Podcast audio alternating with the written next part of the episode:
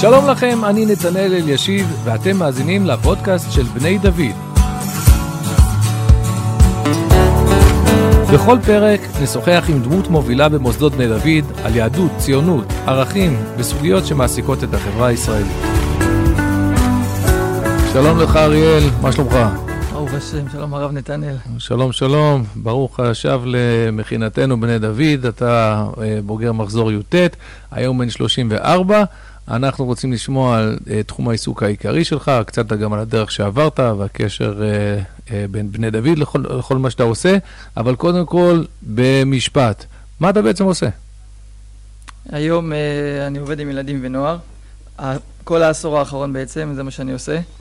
Uh, בעיקר בתחום הספורט, אבל הפיתוח והשכלול של מה שיצרנו זה לקחת את העשייה מהספורט לכיתה ומהכיתה לספורט. בעצם השלכה של כל מה שאנחנו עושים בכל התחומים שזה ישליך אחד על השני. אז רק שנייה, בואו נפשט עכשיו את מה שאתה אומר. בעצם אני שומע שיש פה הנחת יסוד, שיש קשר בין התפקודים, תפקוד של ילד, אני מניח שבעיקר בנים, כן. אז יש uh, אצל בנים קשר בין מה שקורה אצלם בתחום הספורט, בשנות הילדות, לבין התפקוד הכללי. זה מה שאתה אומר בעצם? כן, בדגש. על החברתי והרגשי. חברתי ורגשי. כלומר, ילד שהוא שחקן גרוע, או שהוא לא בא לידי ביטוי, או שלא מוסרים לו, או שלא מזמינים אותו, זה בעצם לא סיפור באמת של ספורט. כל מי שהוא אב לבן יודע את זה, אבל אני כאילו אה, מתחיל, מתחיל מאפס כביכול.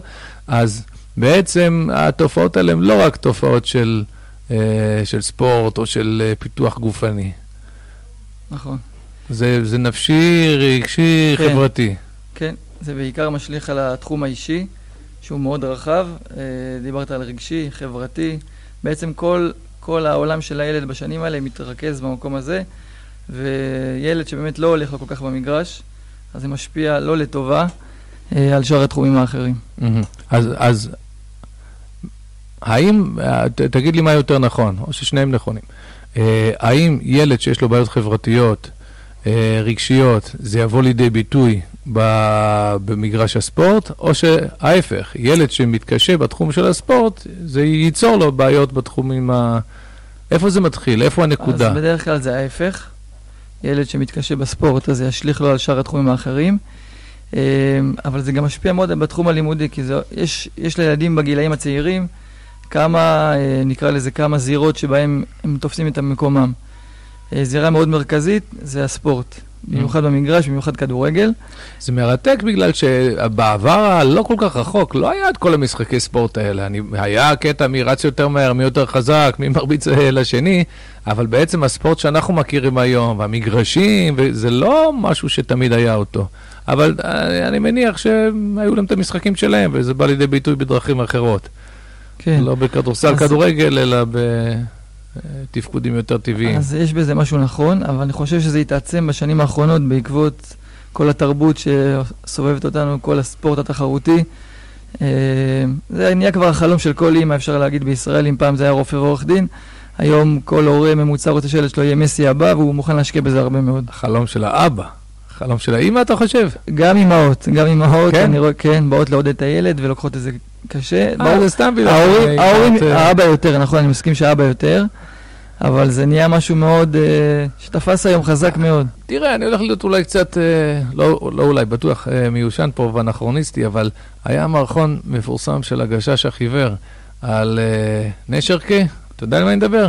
Uh, יש להם מערכון שבו האבא נורא רוצה שהבן שלו יהיה מיקי ברקוביץ' הבא. מי שלא יודע, מיקי ברקוביץ' היה שחקן כדורסל בתקופה שבה גם יהודים שיחקו במכבי.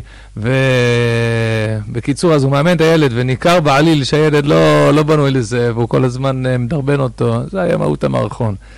אז זה היה פעם אבות. אבל אתה אומר שהעצמה של הספורט התחרותי, זה גרם לזה שזה תפס יותר נפח הנושא הזה? כן, כן, אין ספק. אני... לפני שהתחלתי ככה את הפרויקטים בבתי ספר, עבדתי במקומות אה, פרטיים, אגודות ספורט למיניהם, ואתה רואה מצב שההורים לוחצים עליך בתור מאמן להכניס את הילד שלהם לקבוצה תחרותית, למרות שהילד לא מתאים. למה? כי החברים שלו נמצאים שם, וזה איזשהו מעמד, והם מוכנים לעשות הכל בשביל זה. לקחת אימונים פרטיים, אה, מורת עזר. סליחה שאני שואל, אתה עובד יותר עם uh, ציבור דתי או לא דתי? זאת אומרת, האם זה אותו דבר ב... ב, ב אז, אז בעיקרון ככה, כשהתחלתי את האימונים אישיים שעשיתי, זה כמעט ולא היה ציבור דתי. זה היה דווקא לעזור לחבר'ה יותר חלשים. זה לא היה חבר'ה שרוצים להגיע להיות מסי, זה היה חבר'ה שבכלל לא בכיוון של ספורט, וההורים רצו לתת להם את העצמה דרך הספורט. אה, והיום בבתי ספר, אז דווקא בבתי ספר, שזה יותר על המקום הרגשי-חברתי, לא על המקום ההישגי, אז כן, הציבור הדתי גם נמצא שם. מעניין. אגב, אני זוכר את זה בילדותי, אני זוכר את התופעה שלי ששולחים ילד כזה ככה, בעיקר לאומניות לחימה. לג'ודו, לקראטה, נכון. והיית רואה ילד שבעליל לא, לא טיפוס שהיית חושב, אבל דווקא בגלל זה היו שולחים אותו כדי... ואתה מדבר יותר על ספורט, משחקי ספורט, ו... כן. אתה לא באומנויות לחימה עושה. לא באומנויות לחימה, למרות שיש בזה גם הרבה באמת מה, מהתחום, כי זה נוגע מאוד בגוף נפש. ילד שלומד להגן על עצמו, לומד לה, להחטיף, להחזיר, זה משפיע מאוד על, ה, על הבפנים, מה שקורה אצל הבפנים. אם אני הייתי אומר לך, או שואל אותך, כשלמדת כאן, אי אז במחזור י"ט, שזה בערך 16 אה, שנים לפני קיום שיחתנו, אה, הייתי אומר לך שאתה תלך לתחום הזה, אתה היית, או שואל אותך, זה היה כבר ש... שם? התעניינת בזה, או שזה משהו שבא מאוחר יותר?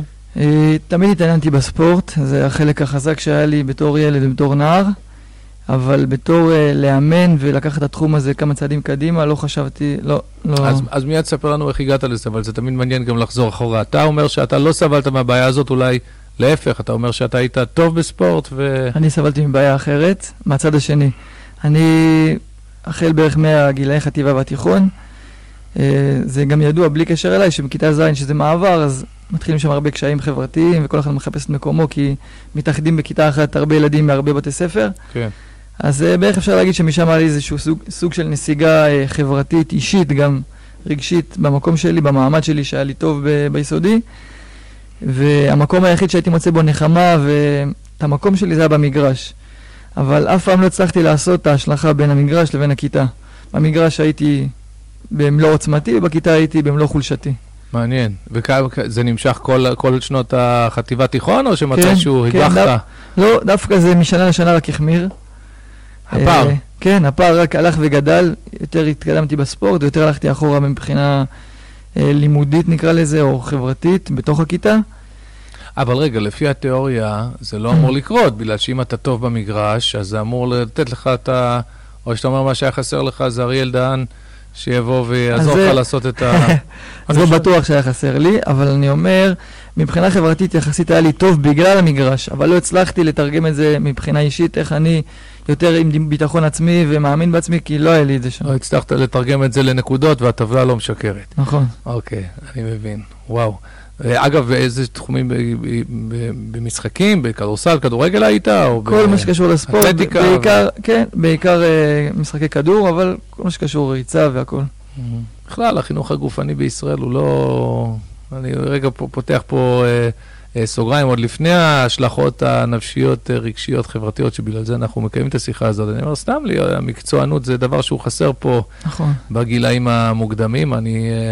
יליד ארצות הברית, ושם זה ממש תרבות, וזה קשור ממש ברמת, קודם כל, התלבושת, והמתקנים, והאימון. נכון. שם כל כיתה ב', ג', הם מתייחסים אליהם כאל באמת ספורטאים בשיעור ספורט, ולכן זה מגיעים להישגים. עכשיו, זה מעניין, כי יש לי, אני מניח שרוב האנשים שלמדו איתי, uh, בישיבות וכל זה לא כל כך יבינו על מה אני מדבר ולמה זה חשוב, uh, כי זה על פניו uh, תרבות יוון כל העניין הזה, אבל uh, זה לא ככה. בכל תחום בחיים, אם אתה עושה משהו ברצינות, זה, יש לזה, לא, בוא אני אביא לך את הדוגמה שאני חותר אליה. Uh, הייתי, uh, uh, הייתי, לקחתי את המשפחה הרחבה פעם.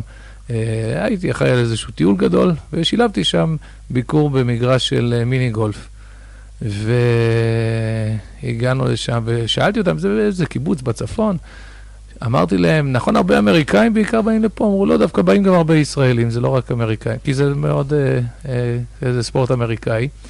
אבל אז הם אמרו לי, יש הבדל אבל בין האמריקאים לבין הישראלים. אתה יודע אולי, אריאל, לנחש מה ההבדל? בהתייחסות. פרט. אני אגיד, יש לך שם תחנות, זה הולך לפי מספרים. אתה אמור לעבור מתחנה לתחנה. יש לך, אם אני לא טועה, אה, חמישה ניסיונות שאתה עושה, אה, חמש הזדמנויות, ואתה אמור לרשום ניקוד. האמריקאים הולכים, יגידו שזה כמו בוקים, אבל הם הולכים לפי הסדר של התחנות. הם עושים את זה לפי כמות החבטות המותרות. הם uh, רושמים אחרי זה ועובדים לפי הספר. והישראלים זה פשוט התפרעות. אחרי שלוש תחנות הם רצים מתחנה לתחנה, עוברים, מנסים כל מיני... לא עובדים לפי, לפי הכללים, לא רושמים, לא... אז בסוף, אני חושב שזה משליך בכלל על תרבות, על הברדק במדינה בהרבה תחומים, על חוסר המשילות, חוסר מקצועיות, על... אה, כן. יש לי איזה גם סיפור, הזכרת לי מימי התיכון. או. אה, הייתי אמור, אני וחבר טוב, לייצג את הישיבה באליפות הישיבות. כל שנה זה מתקיים בגבעת וושינגטון. מותר לשאול איזו? ישיבת הדרום זה? כן, ישיבת הדרום ברחובות. כי אתה גדלת ברחובות. כן. אוקיי.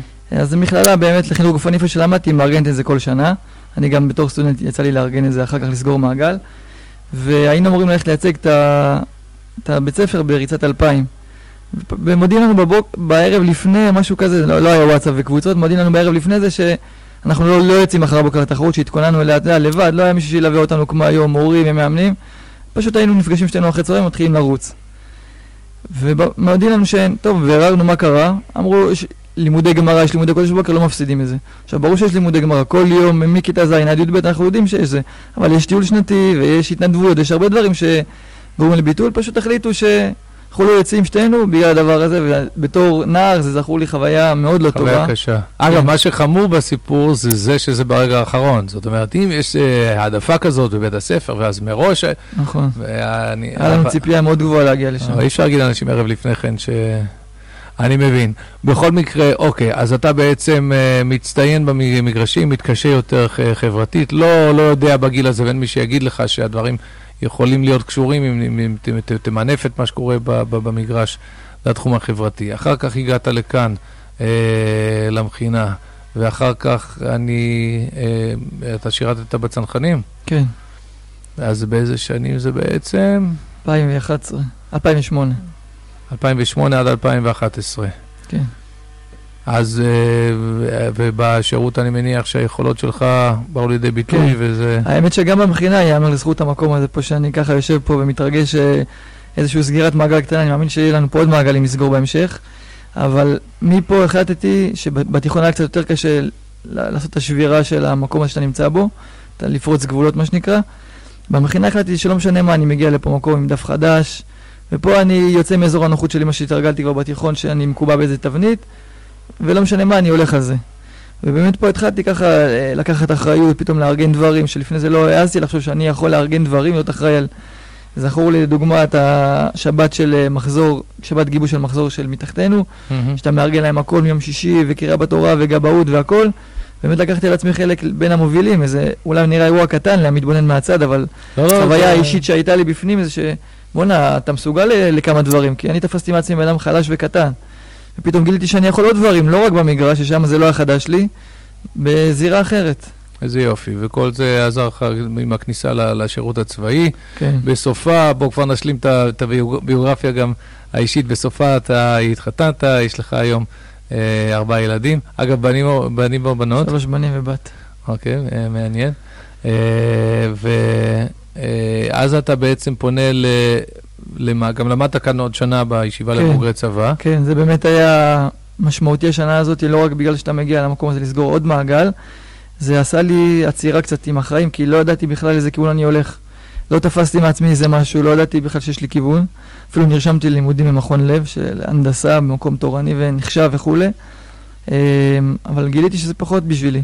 יותר בשבילי זה להנדס אנשים ולא מכונות. אה, ופה נפל לי באמת האסימון שאני רוצה לגעת באנשים ממש, פיזי, רגשי, חברתי, כל מה שהיום אני יכול להגיד ככה אחרי עשור בתחום, שזה באמת איזה יושב על המקום גם שלי אישית. מה שאני עברתי במקום לא טוב, אז היום אני עוזר לילדים ונערים אחרים אה, לתקן את המעגל הזה הרבה לפני שמגיעים לגיל אה, מאוחר, וכמה שיותר בגיל צעיר, אני אומר את זה שזה כמו טיפול שיניים. ככל שאתה מגיע לסתימה יותר מוקדם, הטיפול קליל וזול ופשוט. Mm-hmm. וכמו שאתה מחכה ומחכה שהדברים יעברו, זה נהיה מעמיק, הולך ומסתבך. מסתבך, לא פשוט. אז, אז אני רוצה לשאול אותך מאיזה גיל, בוא נשמור רגע את השאלה הזאת, אבל לפני כן חסר את החוליה המקשרת. בסוף, אחרי שלמדת כאן, אז לאיזה, אל, אל, אילו לימודים כן פנית? כן. אז אחרי שהבנתי שנפל לי האסימון באמת שאני רוצה לגעת באנשים, התלבטתי בין טיפול, עולם הטיפול, שזה לטפל ממש במקרים מורכבים, לבין עולם החינוך, ששתיהם נוגעים אחד בשני, והלכתי ללימוד לחינוך גופני, ש... שזה מבחינתי סוג של טיפול, כי זה נוגע בגוף ובנפש באופן לא, לא רשמי, נקרא לזה ככה.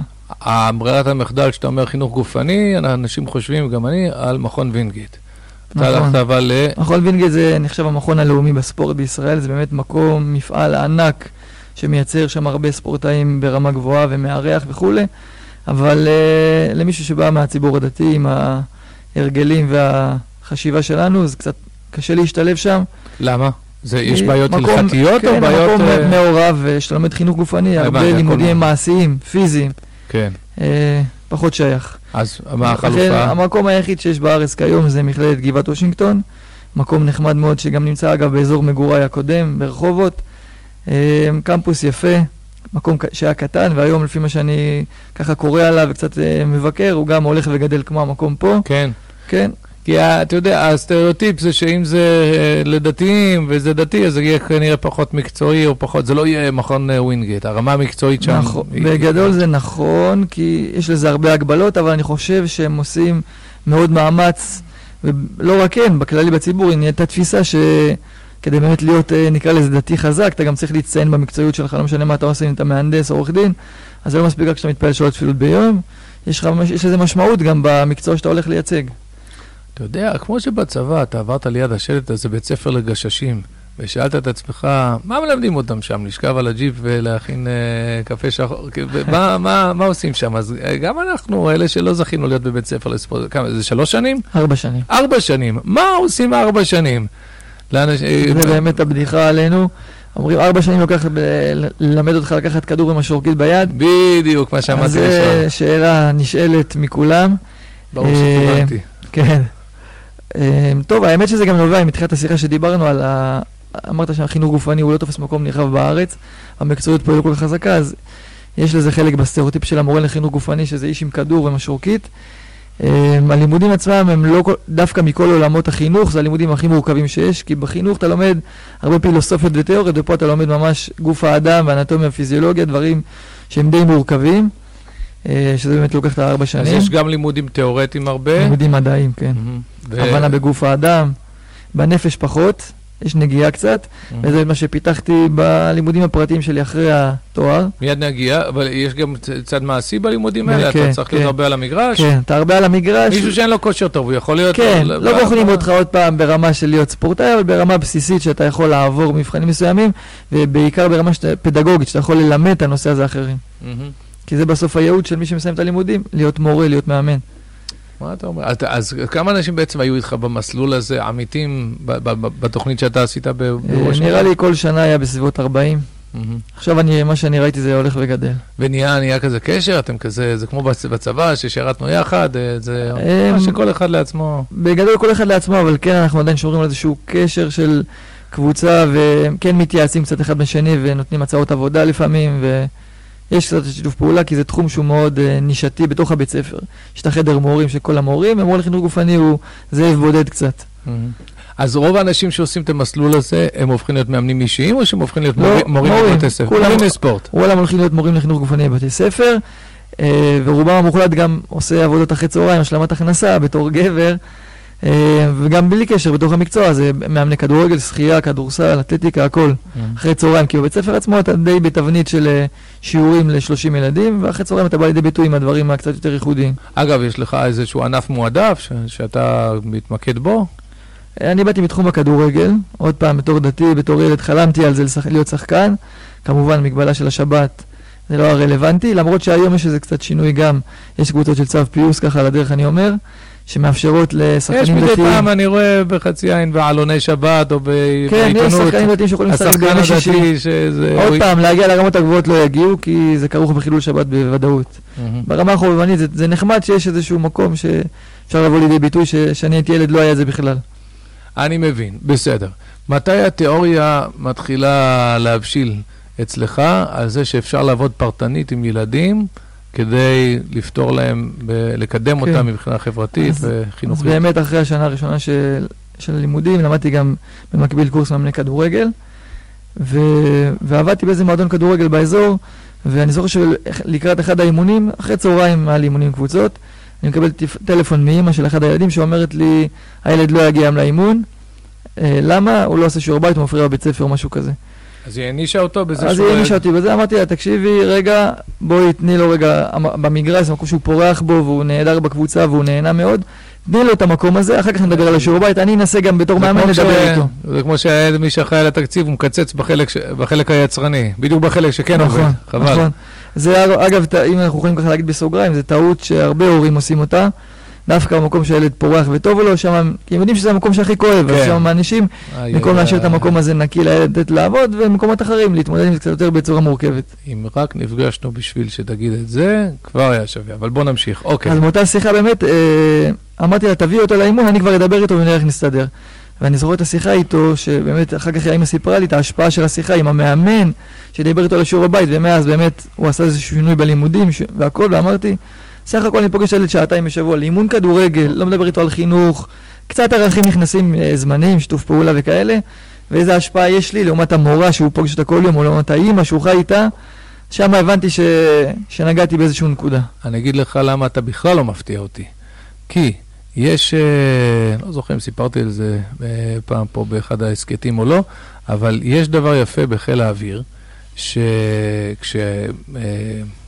חבורה מסיימת אה, אה, קורס טיס, מבקשים מכל אחד להמליץ על אה, איזשהו איש חינוך שתרם לעיצוב דרכו. אסור קרוב משפחה, זה חייב להיות מישהו שהשפיע עליך, ו, וזה מאוד יפה, כי כאילו חיל האוויר רוצה לתת הכרה למערכת החינוך, ולהניח שהאנשים האלה שהצליחו להפוך להיות טייסי קרב ובכל התפקידים האלה של טייסים, אז מישהו עזר להם להגיע לשם ולהפוך להיות כנראה דמויות אה, מיוחדות בתחום הזה. ואז מפקד חיל האוויר, אז אם מסיימים 35-40, אה, אה, מסיימים ביחד קורס טיס, אז בעצם מתכנסים 35-40 אנשי חינוך שלא מכירים אחד את השני, בלשכת מפקד חיל האוויר. ועושים שם איזשהו סבב ודיבור. אז אני פעמיים הייתי במעמד הזה, ויותר מאשר שעניין אותי לפגוש את מפקד חיל האוויר, שזה כמובן גם היה יפה ומעניין, אה, עניין אותי מי האנשים שאני הולך לפגוש סביב השולחן.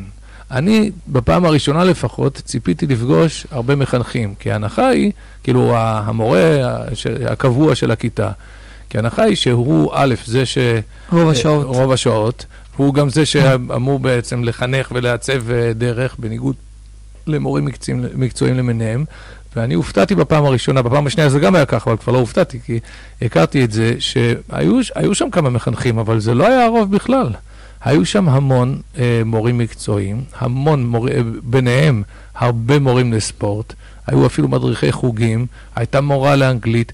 זאת אומרת, אה, למדתי שם, אה, אני כאילו לא בתוך מערכת החינוך הפורמלית, אבל אז אני הבנתי שבתוך מערכת החינוך, דווקא אנשים שהם לא בתפקידים הפורמליים, הרבה פעמים יש להם השפעה מעצבת על, ה, על התלמידים, יותר מאשר אלה שאמור להיות להם אה, לכאורה. יש אחד מפורסם, איליה, מורה לפיזיקה ממודיעין, שהוא קבוע אה, משתתף ב, ב, בדברים האלו. אז אה, קודם כל, פה אני זורק איזה פנייה למורים מקצועיים, ואלה שהם כביכול לא המחנכים, דעו לכם שאתם אה, כן. אתם יכולים להיות מאוד משמעותיים, לפעמים יותר מאשר המחנך באופן רשמי. ועכשיו ספציפית, אני אגיד, באמת היו שם הרבה מורים לספורט. אז אתה בטח לא מופתע מזה, אבל אני אסגנן את זה בכל זאת בשאלה. איך יכול להיות שהמורה לספורט הוא הדמות המשמעותית ביותר, כשבסך הכל החניך, פוג... התלמיד פוגש אותו מעט זמן בשבוע, וגם אז הרבה פעמים, כמו שאמרת, זה נכון. משחק או אז קודם כל, פוגש אותו רק פעמיים בשבוע, זה לפי החוק, ועוד פעם, ככל שעולים בגיל, מקצצים להם את השעות, אם זה מגיעים לבגרויות, אז מורידים להם, כי זה השיעור הכי פחות חשוב, ועליו שמים תגבורים, שזה דווקא הזוי, שילדים לפני צבא כן רוצים את ההכנה הגופנית ולדבר עם המורה, שהוא דמות שיכולה להוביל, להוביל ולהכווין, ומבטלים להם את השעות. אז זה גם משהו כואב, ככה שאם אפשר פה להגיד את זה, לפנות למנהלי בתי ספר, תקצצו בהרבה שעות אחרות, לא לגעת בחינוך גופני, זה הקצת אור שיש לתלמידים במהלך כל השבוע הלימודים המשוגע והעמוס של היום. גם למנכ"ל משרד החינוך אנחנו מפנים את ה... כן, אני בזמנו שנפגשתי... חוזר מנכ"ל, להגן על שיעורי הספורט. בזמנו נפגשתי עם נפתלי בנט, שהיה אז שר החינוך, אה, אחרי שזכינו באליפות ארצית עם הבית ספר בבת ים, בריצה עם התלמידים. היינו אמורים לטוס להונגריה לאליפות העולם לייצג את ישראל באליפות הבתי ספר, וזה יצא בליל הסדר. בית ספר דתי לא יכול להרשות לעצמו לנסוע בליל הסדר תחרות. התלמידים כמובן כעסו עלינו כי לא אנחנו קבענו את התחרות בתאריך הזה. לא יעזור למי פניתי, לבית הנשיא, ראש הממשלה, לכולם. רגע, רגע, לא הבנתי, אתה כן רצית שייסעו בליל הסדר? לא, רצינו לשנות את התאריך. יש ארגון ISF, ארגון עולמי שאחראי על זה. אה, שיהיה מישהו שייכנס ל... ומראש, כמה חודשים שלחנו להם מיילים וטלפונים והכל לשנות את התאריך, ואמרו, מכל האנשים "זה נקבע בפוליטיקה, מראש נגמר. מי שנשמע לי הכי דווקא שיבין אותך ויחשוב בראש פתוח זה דווקא נפתלי בנט. מה הייתה התגובה שלו? לא, אז איתו, איתו לא ניסינו להיעזר בו, דווקא יצא לי להיפגש במקרה באחד התפקידים שעשיתי עם מירי רגב שהייתה שרת התרבות, ו- ואני זוכר את המשפט שהיא אמרה לי, תגיד תודה שזה לא יצא ביום כיפור. אה, אז כבר הרמתי ידיים, כי כבר הבנתי שאף אחד פה לא כל כך מנסה לעזור? לי, ואמרו שזהו, זה התאריך וזה. מה שיצא בשורה התחתונה זה שוויתרנו על השתתפות, כי אין מה לעשות, מנהל דתי, בית ספר דתי, זה אמירה. מקום שני יצא במקומנו. עד היום התלמידים כועסים עליי על זה, כאילו אני אחראי על הדבר הזה, אבל יצא לנו נחמה שפגישת פיצוי הפגיש לנו עם שר החינוך, שזה היה ס- נפתלי בנט, אה, בלשכה שלו, והוא כאילו, הוא בא להגיד לנו כל הכבוד על זה שהערכים קודמים לתחרות ולהישגים וכולי. אני זוכר שלפני הפגישה כבר התכוננתי עם מכתב של להגדיל את השעות של החינוך גופני משעתיים לשלוש. היה צריך לתת לכם הבאתי את המכתב הזה, מדליה, כן. בצורה של מצה. או- אבל כן, אז סליחה. התלמידים קיבלו, קיבלו איזשהו פרגון גם אה, כספי נקרא לזה, משהו שכן חומרי. ש-. אבל, אוקיי, ניצלת את ההזדמנות, הבאת לו מכתב. מכתב, אז בדיוק דיברנו על חינוך גופני, שבמקום לק- להוריד את השעתיים מסכנות שיש, ביקשתי להעלות לשלוש שעות. אמ, אני לא יודע איפה המכתב הזה נעלם שם בין כל העסקי. אבל הוא אמר לך משהו במקום? לא, אמרתי לו, זה מכתב שאני אשמח אוקיי. שתקרא אותו אחר כך, כי זו פגישה מאוד קצרה ועניינית. אה, בכל מקרה לענייננו אמרתי, אז אה, דווקא יכול להיות. שעכשיו יש לו את הזמן לקרוא את המכתב שלך. מקווה האמת שמעתי איזה שר או איזה חבר כנסת שכן דיבר על זה. כן. לא זוכר מאיזה מפלגה, שכן, אה, אני מקווה שיעשו עם זה משהו, לטובת התלמידים היקרים. אבל אה, מה שקורה בשיעור עצמו זה שתלמידים מגיעים, א', הם יוצאים מהכיתה, אני קורא לזה הכלא הקטן שבתוך הכיתה, שהם יושבים כל היום סביב שולחן. אולי הגיע הזמן קצת להשתדרג, אני גם ככה, הערת סוגריים למנהלים בבתי ספר. הם יוצאים החוצה, נושמים אוויר, רואים שמש, משהו שהם לא רגילים במשך כל היום. וגם אתה מגיע לשיעור שבו אין הספק שהמורה חייב לעמוד לבגרות באלף בית ג' כמו שכל המורים לחוצים להספיק ובוחנים אותם. ההספק זה לבוא ולהזיע, מבחינתי ככה אני רואה את זה, להזיע ולעבוד ביחד. זה שתי הערכים שהכי חשובים לי.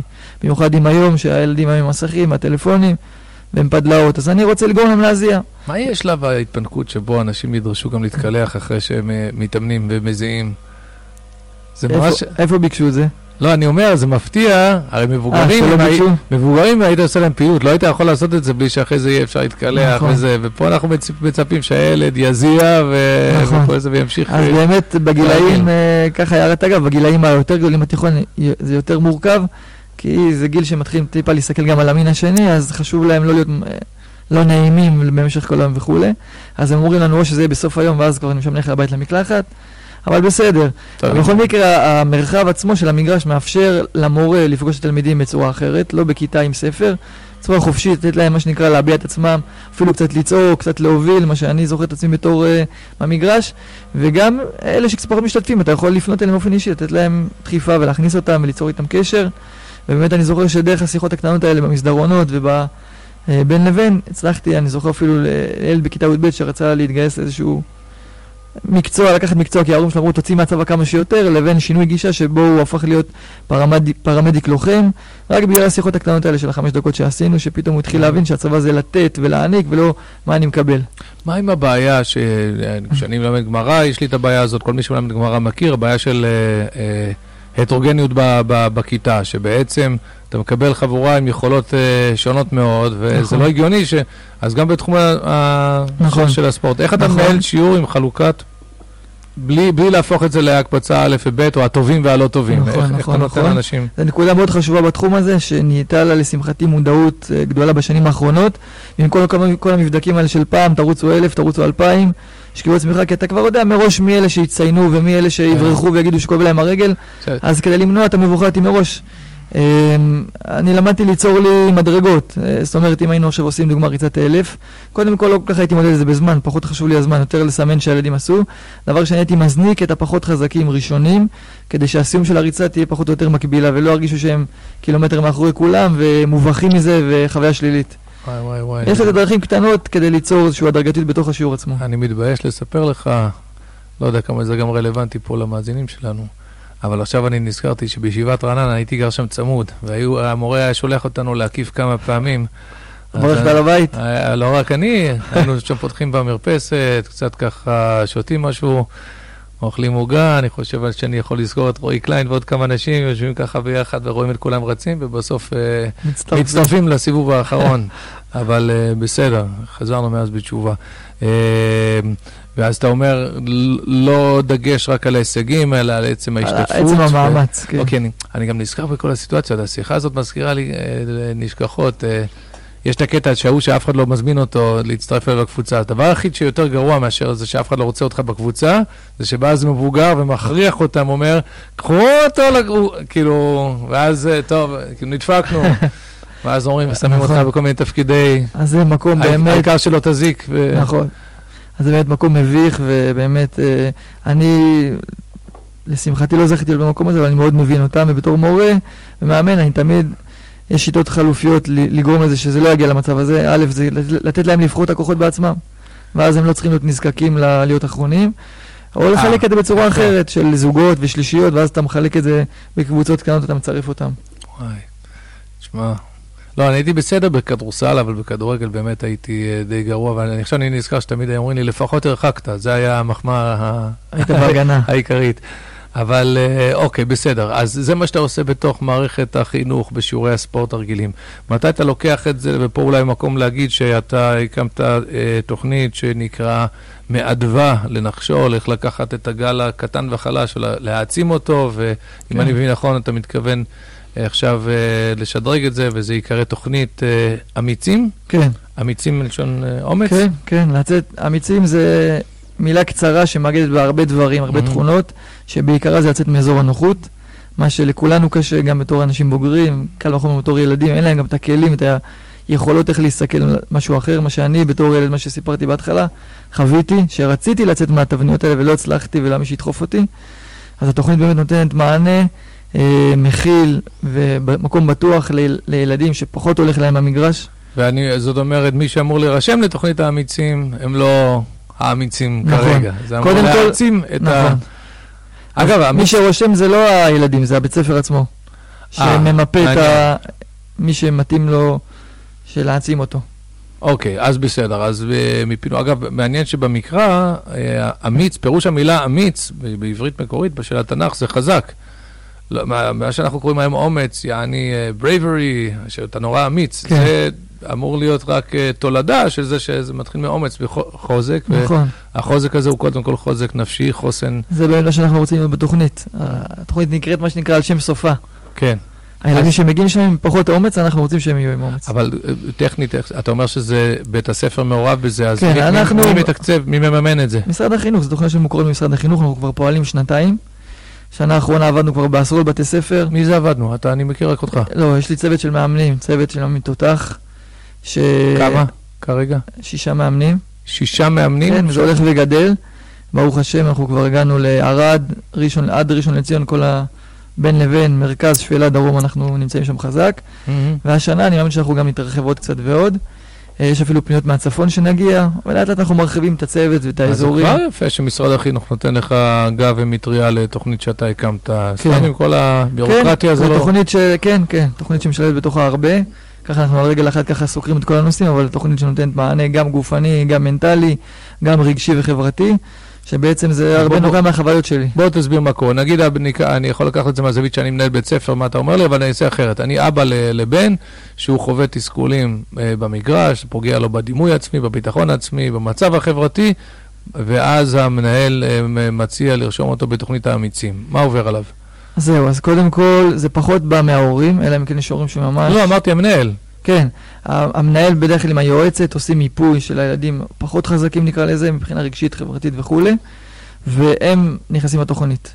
ההורים אין להם כל כך התערבות, אלא אם כן ממש הורה מבקש ושומע על התוכנית, אז ממש מבקש שהילד שלו יהיה Mm. בפנים. אוקיי, מה קורה לילד? הילד מגיע לתוכנית עם עוד uh, קבוצה של גג עשרה ילדים, שהם בדרך כלל בשכבה שלו, שכבת גיל שלו. Uh, זה בדרך כלל יוצא 2-3 מכל כיתה. וקודם כל אנחנו בונים קבוצה שהיא ייחודית לחבר'ה האלה שמרגישים קודם כל בנוח אחד עם השני, כי בדרך כלל ילד כזה בכיתה עצמה ההטרוגנית שלו, הוא פחות מרגיש בנוח. הוא, יש לו את המקום שלו בפינה, שקוף, אל תפנו אליי, אל תדברו איתי, תשאירו אותי פה בשקט ו- וכמה שפחות. הוא לא יוצא למגרש בדרך כלל, הוא פחות משתתף בשיעור חינוך גופני, טיולים, הוא פחות יוצא. זה המקום שאנחנו מקבלים את הילד בצורה הזאת. אה, זה מעניין, יש קשר ישיר בין תפקוד בספורט לבין טיולים? זאת כן, אומרת, זה אותם כן. ילדים שהם לא כן, יטלו? תמיד יש יוצאים מן הכלל, אבל בגדול אני יכול להגיד באופן גורף שאחרי עשור כבר של גם אימונים אישיים פרטיים, וגם בתוך מערכת החינוך, אני יכול להגיד שזה נושק לתחומים האלה, כי ילד. שקשה לו בעליות בטיול, הוא לא יבוא לטיול, כי אין לו כושר והוא אולי בעודף משקל, אז הוא מראש יחסוך את האי נימות שת- שתיגרם לו מהטיול, ומזה שיצחקו עליו, ומזה שהוא יהיה מאחורה, ואם נכנסים לבריכה ולרוץ חולצה, אז בכלל, זה כבר ליגה אחרת שעוד יותר הוא מעדיף. להימנע ממנה. אז אני בהזדמנות זאת אפנה להסכת אחר שעשינו עם בחור בשם אביעד, שהוא אה, באמת דיבר על החשיבות של טיולים, אבל פה זה כאילו עוד יותר חידוש אז, ה- של, של השיעורי ספורט. אוקיי, אז, מה, מה, אז עכשיו הוא במקום שבו אתה יצרת לו מרחב יותר בטוח, שבו הוא לא נכון. צריך להתבייש, הוא לא בתוך כל התסביכים עם כל ה... אז עכשיו מה, מה קורה בשיעורים אז האלה? עכשיו, כן, זה, זה, אמר- בזמן, זה, זה בזמן של שיעור בזמן הבית? ספר, כן. הוא יוצא על אחד מחשבון השיעורים, זה כל בית ספר עם השיקולים שלו, הוא מפסיד איזה שיעור. אה, כל החבר'ה של התוכנית מגיעים, ופעם בשבוע אנחנו נפגשים בתוכנית של שלושה, ארבעה חודשים בערך, זה הממוצע. אה, ובעצם שם אנחנו מתחילים לזוז, לזוז גם מבחינה נפשית וגם גופנית, שכל אימון מורכב, גם כל הזמן אנחנו רוקדים בין השיח לגוף לנפש. אה, הערכים שאנחנו מדברים עליהם, ההשראה שאנחנו נותנים בשיח ובדיונים, מתורגמים לידי חוויה רגלית, מה שנקרא, דרך הרגליים. אני מבין איך אתה עושה את זה באופן אישי, כי יש לך כבר את המומחיות, אבל יש לך צוות, אז אתה צריך לכתוב פה איזושהי תוכנית כן, יש עבודה. לנו תוכנית עבודה. על מה מדברים? זה, זה משהו, זאת אומרת, זה לא בנוי על אה, שליפות, אלא לא, יש לא, תוכנית, תוכנית עבודה סדורה. מסודרת ומאורגנת, כן, שכל מאמן שמתחיל איתנו בתוכנית, קודם כל הוא עובר איזושהי השתלמות במודלים שיצרנו, ש- שלמדתי וששכללתי ושבנינו, וזה כבר משתכלל באמת משנה לשנה. כל שנה אני רואה שאני מגלה עוד תחום, אני בן אדם מאוד סקרן, אוהב ללמוד, כל שנה אני לומד עוד קורסים ועוד דברים, ואני מכניס, כל דבר שאני לוקח אני מנסה אותו על עצמי, נהדר. על איזה קבוצה של פיילוט של ילדים שתפסתי על הדרך, ואז אני מכניס את זה קצת אה, לתוך המודל, אה, וזה נכנס לתוך הסיסטם, מערכת קבועה שמאמן יודע, הכל מוכן לו, הוא רק צריך להכניס את את האישיות שלו בפנים. תן לי דוגמה להצלחה, לילד שעבר תהליך כזה במשך כמה חודשים, איך הוא נכנס ואיך הוא יצא. כן, אז יש לנו דוגמה לאחד בתי ספר בשפלה, שמאמן סיפר לילד שבאופן חריג, אתה יודע, גם בתוך הקבוצה הזאת יש חריגים בתוך החריגים. שהוא לא מרים את העיניים למאמן בכלל. לא מסתכל אליו, לא מיישיר מבט, ובקושי מגמגם כמה מילים. אה, ככה הוא התחיל את התוכנית. כמובן, אנחנו בנחת, יש לנו פה את האפשרות אה, לקבל את הילד כמו שהוא, ו... ובלי ללחוץ, להתקדם איתו. הגיע למצב שלקראת סוף התוכנית, אה, הגיע איזשהו ערוץ, עשו לנו כתבה על התוכנית, ובאו לצלם. ובגלל שזה היה ברחובות, אז אה, פנינו לבית ספר הזה, אם מוכנים שנצלם, עם אישור ההורים וכולי, והגענו לבית ספר הזה. אז ביקשתי מהיועצת שתשאל לפני שאנחנו מגיעים, שתיים שלוש תלמידים מכל קבוצה שהסכימו להתראיין ולהגיד כמה מילים, כדי שלא, אתה יודע, ניתקע ברגע האחרון. וכשהגענו לשם, אז המאמן פתאום רואה את הילד ה... שלא לא מרים את העיניים, עומד מול המצלמה, הוא רוצה להיות זה שעומד ראשון מול המצלמה ולדבר ולספר את הסיפור, איך התוכנית עזרה לו, ואני לא, לא כל כך הבנתי מה, מה ההתלהבות, ואחרי זה המאמן סיפר לי שהילד הזה לא הרים את העיניים, וזה שעומד מול המצלמה ומספר על הבית ספר ועל התוכנית, זה חבל על הזמן. היה מרגש מאוד. אני, זאת, זאת, אז אני מתרגש פה איתך ושמח בהצלחות. בוא נשאל, האם יש גם דוגמה הפוכה? מתי אתה יודע שנכשלנו? האם זה רק אה, שפשוט לא התקדמנו מספיק, או שלפעמים אתה רואה שזה... כן. אז uh, מילה כישלון זה מילה קצת חזקה. Uh, לא מפחד להתמודד איתה, אבל באמת, אני מאמין שכל ילד שמגיע לתוכנית, גם אם לא השגנו את המטרות שלשמם הוא הגיע ברמה הכי מובהקת, כולם מתקדמים. בין אם סנטימטר, בין אם 100 סנטימטר, כולם מתקדמים. כישלון זה, זה מילה שלא הייתי נותן אותה פה לתוכנית, זה פשוט, יכול להיות שהתוכנית לא עשתה מספיק אפקט על הילדים, ואגב, זה הרבה פעמים באשמת הבתי ספר, שהם או מנסים לדחוף הרבה תלמידים לתוכנית כדי להגיד להורים שהצליחו עם הרבה ילדים בתוכנית, או מספר מפגשים מועט מבחינה תקציבית, הם מוגבלים בלאפשר לתוכנית להיות ארוכה, אז הם מקצרים אותה. אנחנו באים לקראת הבתי ספר וזורמים עם כולם, אבל בסוף יש לזה גם מחירים, מה שנקרא. אז uh, אני לא חושב שיש לנו כישלון, פשוט פחות הצלחה חזקה, נקרא לזה ככה. אני מבין. אז להזיק זה לא מזיק. וככה, uh, לקראת סיכום, מה בעצם החלום או החזון, איך, uh, תוכנית האמיצים, אם, uh, לא יודע, מגיע שר חינוך חדש, אומר לך, יאללה, אריאל, קח צ'ק פתוח, לא יודע. מה... כן, אז קודם כל, באמת הייתי שמח, אם אתה אומר את זה בצורה, אז החזון שלנו זה להיות בכל בית ספר בארץ, שלפחות יחוו אותנו לפחות פעם אחת. כמובן שאנחנו ממשיכים בתי ספר לאורך כמה שנים, אז אנחנו מעמיקים את התהליך ברמה אחרת. זה מאיזה גיל אגב זה? מכיתה א' עד ט'. מא' עד ט', אוקיי. השנה אנחנו גם אולי ניכנס לגני ילדים, כי, כי אני רואה שככל שאתה, כמו שאמרנו בהתחלה, יותר מטפל בבעיות יותר מוקדם, אז האפקטיביות יותר גבוהה וההצלחה נשמרת לאורך זמן. אה, וחלק מהחזון זה גם, אתה יודע מה, להגיע, לא לפחד להגיד את זה, גם להגיע לבתי ספר יהודיים ברחבי העולם. שזה יהיה תוכנית, אה, מה שנקרא, גלובלית. אה, כי גם השנה גילינו, הוספנו משהו למחקר, שחוץ מהבעיות הרגשיות והחברתיות שדיברנו עליהן, עוד בעיה שקורית לילדים זה שהם החל מכיתה א' עד י"ב, כל שנה ושנה יורד להם בסולם החיבור לבית ספר. ככל שהם יותר קטנים, עוד הם עדיין מתלהבים מהבית ספר, וככל שעולים למעלה, הם, יש להם איזה ריחוק מהבית ספר והם פחות אוהבים, הם מתחברים. אז זה גם איזשהו חידוש שאנחנו שמנו עליו דגש השנה הזאת, כי אנחנו רוצים לעזור לילדים גם להתחבר לעצמם וגם לבית ספר. כאילו, אנחנו רוצים שגם בית ספר ירוויח פה בתהליך, ולא רק יגידו כל הכבוד למאמן, אלא גם בית ספר ירוויח את הילד שהוא אומר, בואנה, הבית ספר הזה הכי טוב בשבילי, אה, שזה ישפיע עליו לאורך השנים.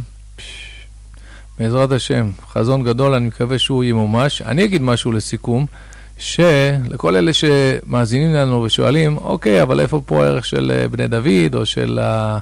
החלומות שלנו העוסקים אה, יותר בקודש ודברים תורניים פה, מה... אז אני רוצה לומר שמעבר לזה שילד שהוא לא מתפקד ברמה הפיזית אה, או החברתית, הוא גם לא יתפקד רוחנית, זה ברור, אבל באופן נכון. כללי, מי שעסק הרבה, וזה לא הזמן לפתוח פה איזה שיעור בנושא, אבל מי שעסק הרבה בקשר של גוף נפש, אה, וממש פיזי וספורט, ו... זה היה כמובן הרב קוק, יש על זה הרבה פסקאות, והוא גם אה, חטף הרבה ביקורת על הפסקה שפורסמה בספר אורות, אבל אה, יש פסקה שהיא פחות מוכרת, אז אה, אני הייתי רוצה לסכם בה, שאומר הרב קוק ככה, כשעם הקודש יהיה בריא וחזק בגופו, תתגבר ותתחזק הקדושה בעולם. כשילדי ישראל, ופה ממש מדבר על הילדים, הנה, אם אתה, אתה רוצה משהו לשים על ה... כן. אני לא יודע אם יש לך על מה לשים, אבל, אה, כי אתם בשטח, לא במשרד, אבל הייתי שם את המציע... על החולצות. על החולצות, טוב, זה קצת ארוך לחולצה. כשילדי ישראל יהיו חזקים, בריאים ומוצקים, יעביר העולם קדוש וטהור. אז כמובן, אלה דברים שצריך אה, אה, להסביר אותם. אבל uh, אני חושב שהרב קוק כותב את הדברים האלה בתקופה שכל העם היהודי התאפיין בחולשה. היה כזה איחול כזה, ש, שתהיה בריא כמו גוי. זאת כי הגויים היו נחשבים כאלה חסונים ובריאים ו- וזה, והיהודים היו, זה קשור גם למצב הנפשי של גלות, כפיפות קומה ומסכנות אה, כזאת, ושאתה נרדף על ידי כל עלה נידף, אבל זה קשור גם ל... אז הוא, הוא ראה קשר. חלק מתחיית ישראל זה לא סתם מופיע בספר אורות, זה גם התחייה של החול, אבל גם התחייה של החול במובן הזה של הגוף ושל החוסן. ועוד הוא אומר לנו פה שפיתוח אומץ הגופני שבישראל יוצאים מן הכוח אל הפועל אימוצי נשמה נפלאים. וואה, זה צריך להיות עוד חולצה. כן, אז זה ממש בשבילך לתוכנית. פיתוח אומץ הגופני, אז אומץ, כמו שאמרנו, זה חוזק הגופני, זה יוצאים מהכוח אל הפועל אימוצי נשמה נפלאים.